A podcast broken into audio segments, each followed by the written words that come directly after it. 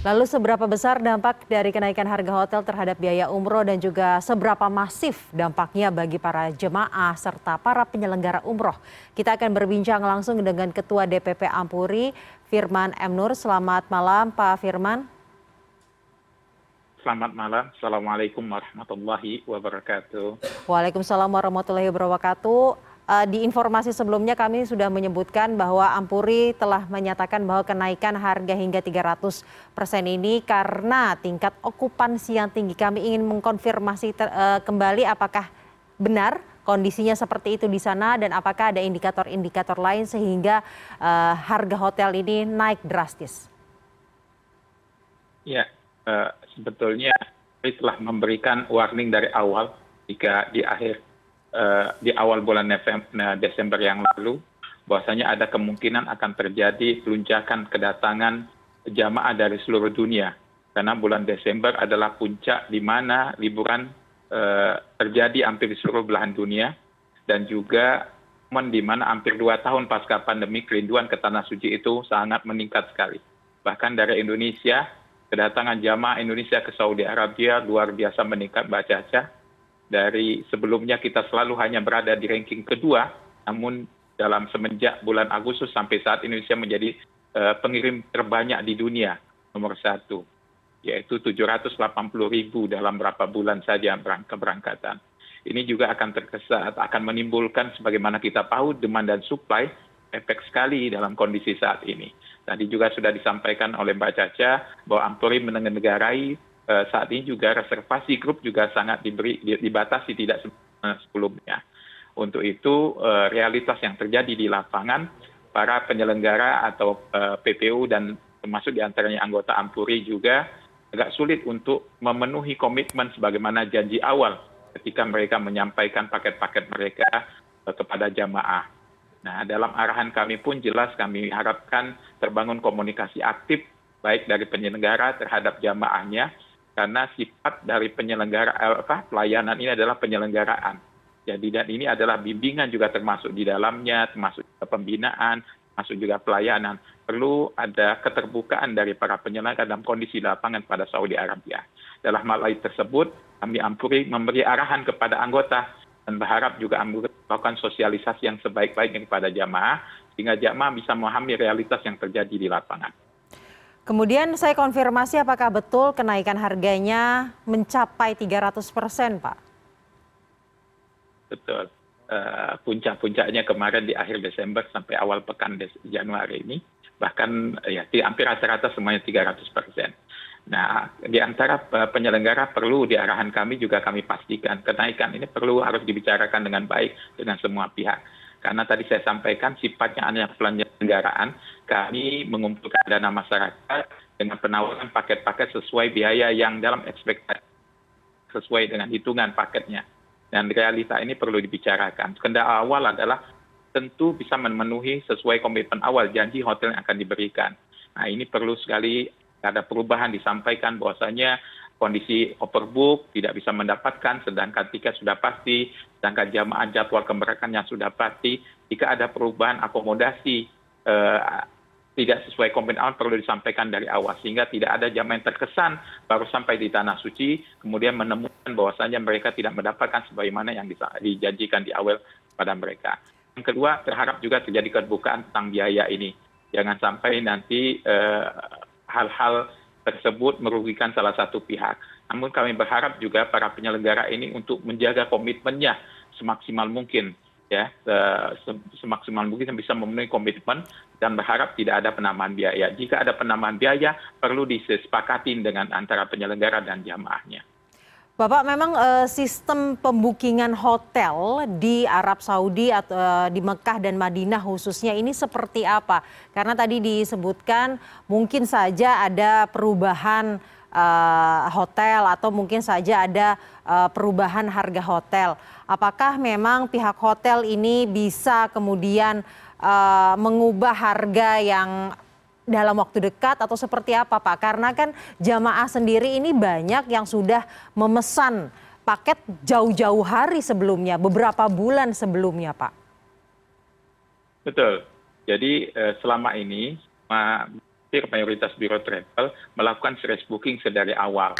Namun banyak juga karena memang tingkat permintaan semakin tinggi yang di belakangan, kemudian ketersediaan sebagaimana kita ketahui baca di awal, ketika umroh dibuka di bulan Agustus September yang lalu, bahkan di pertengahan November, kita menghadapi kendala tersediaan tiket pesawat. Ya, yang mana tingginya demand, keterbatasan tiket pesawat pasca pandemi menyebabkan sulit bagi penyelenggara untuk mendapatkan tiket nah kemudian bulan november tiket itu sudah confirm barulah travel ini mulai melakukan reservasi untuk hotel hotelnya nah rupanya hmm. reservasi pada bulan november ini menjadi reservasi yang terlambat mbak caca hampir hmm. semua hotel tersebut sudah sudah fully book dan tidak bisa melakukan reservasi. Dan di samping memang tidak bisa reservasi karena memang tingginya permintaan harga pun melambung dengan tinggi.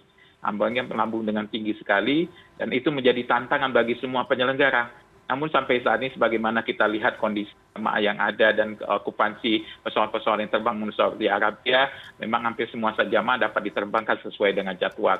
Memang ada hanya beberapa biro perjalanan yang membatalkan karena ketidakmampuan dan mungkin kesepakatan dengan jemaah mengatur ulang jadwalnya. Tapi secara umum eh, keberangkatan kami lihat, kami pantau di bandara eh, dari Jakarta, Surabaya, Medan, dan Ujung Pandang berjalan tetap dengan normal, namun tidak sebagai sepadat, sepadat sebelumnya Kenapa? Karena memang keterbatasan akomodasi tersebut. Jadi kendalanya betul sebetulnya adalah ini di luar ekspektasi semua Baik. pihak dan kami juga sebagai negara berharap biasanya dua bulan atau satu bulan sebelumnya untuk mudah mendapatkan reservasi, tapi sekarang tidak mungkin, tidak bisa terjadi dan ini perlu diantisipasi dan dibangun komunikasi yang aktif antara para penyelenggara dengan jamaah sehingga tidak timbul kecewaan Baik, dan Pak perlu Firman. ada edukasi. Makanya kami menyampaikan Baik. arahan dari awal di sini sampaikan dengan baik dengan baik, jamaah. Pak Firman. Yang kedua yang paling penting adalah puncaknya nanti Mbak Caca adalah di bulan Ramadan. Yang kedua ini akan terjadi hal yang sama. Kita berharap semuanya bisa mengantisipasi lebih awal. Biro perjalanan sudah harus dari sekarang melakukan reservasi dan memastikan harganya sesuai dengan budget.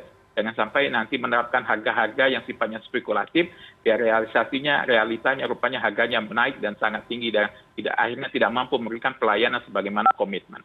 Baik, ini berarti diprediksikan akan terus berlangsung hingga bulan Ramadan seperti itu ya Pak? Betul Mbak Caca. Kemudian sampai bulan Ramadan. Baik, kemudian tadi kan uh, sudah dikatakan bahwa kenaikan harganya hingga 300% itu sangat signifikan Pak, sangat besar. Memang seberapa besar porsi harga hotel yang naik 300% ini kemudian mempengaruhi komponen biaya perjalanan umroh. Kalau uh, kita bisa uh, flashback ke belakang pada awal tahun uh, 2022 atau di bulan Agustus 2022 ini juga harga tiket pesawat melambung tinggi. Dikatakan bahwa ini adalah komponen terbesar, salah satu komponen terbesar. Apakah harga hotel juga menjadi komponen harga terbesar yang bisa uh, menaikkan biaya paket umroh, Pak? Ya, sampai saat ini sebetulnya uh, tiket pesawat tetap menjadi komponen biaya terbesar namun eh, jika perjalanan itu menggunakan fasilitas bintang lima eh, sekarang harga hotel juga menyimbangi harga komponen pesawat bahkan kenaikan ini hampir eh, dekati lebih dari harga pesawat akhirnya yang biasanya hmm. kita budgetin dalam biaya perjalanan kita sekitar 60 50 sampai 60 persen komponen perjalanan pesawat sekarang juga sudah berimbang dengan biaya hotel. Nah, tentang harga hotel sebetulnya sebagaimana peraturan Menteri Agama ada harga referensi. Ya, harga referensi terakhir ketika bulan Agustus eh, 2022 yang lalu itu 26 juta. Nah, kami berharap eh, segera akan duduk bersama Kementerian Agama untuk mengevaluasi menjadi harga referensi karena ini penting sekali sebagai eh, arahan bagi masyarakat untuk memperhatikan berapa biaya yang yang pantas untuk bisa mendapatkan pelayanan baik selama perjalanan ibadah umroh. Jangan sampai nanti ada masih ada yang orang menggunakan momen-momen ini uh, untuk meng, me, apa, mengumpulkan jamaah sebanyak-banyaknya dengan harga murah. Realitasnya kondisi di lapangan tidak mungkin untuk memberikan harga tersebut.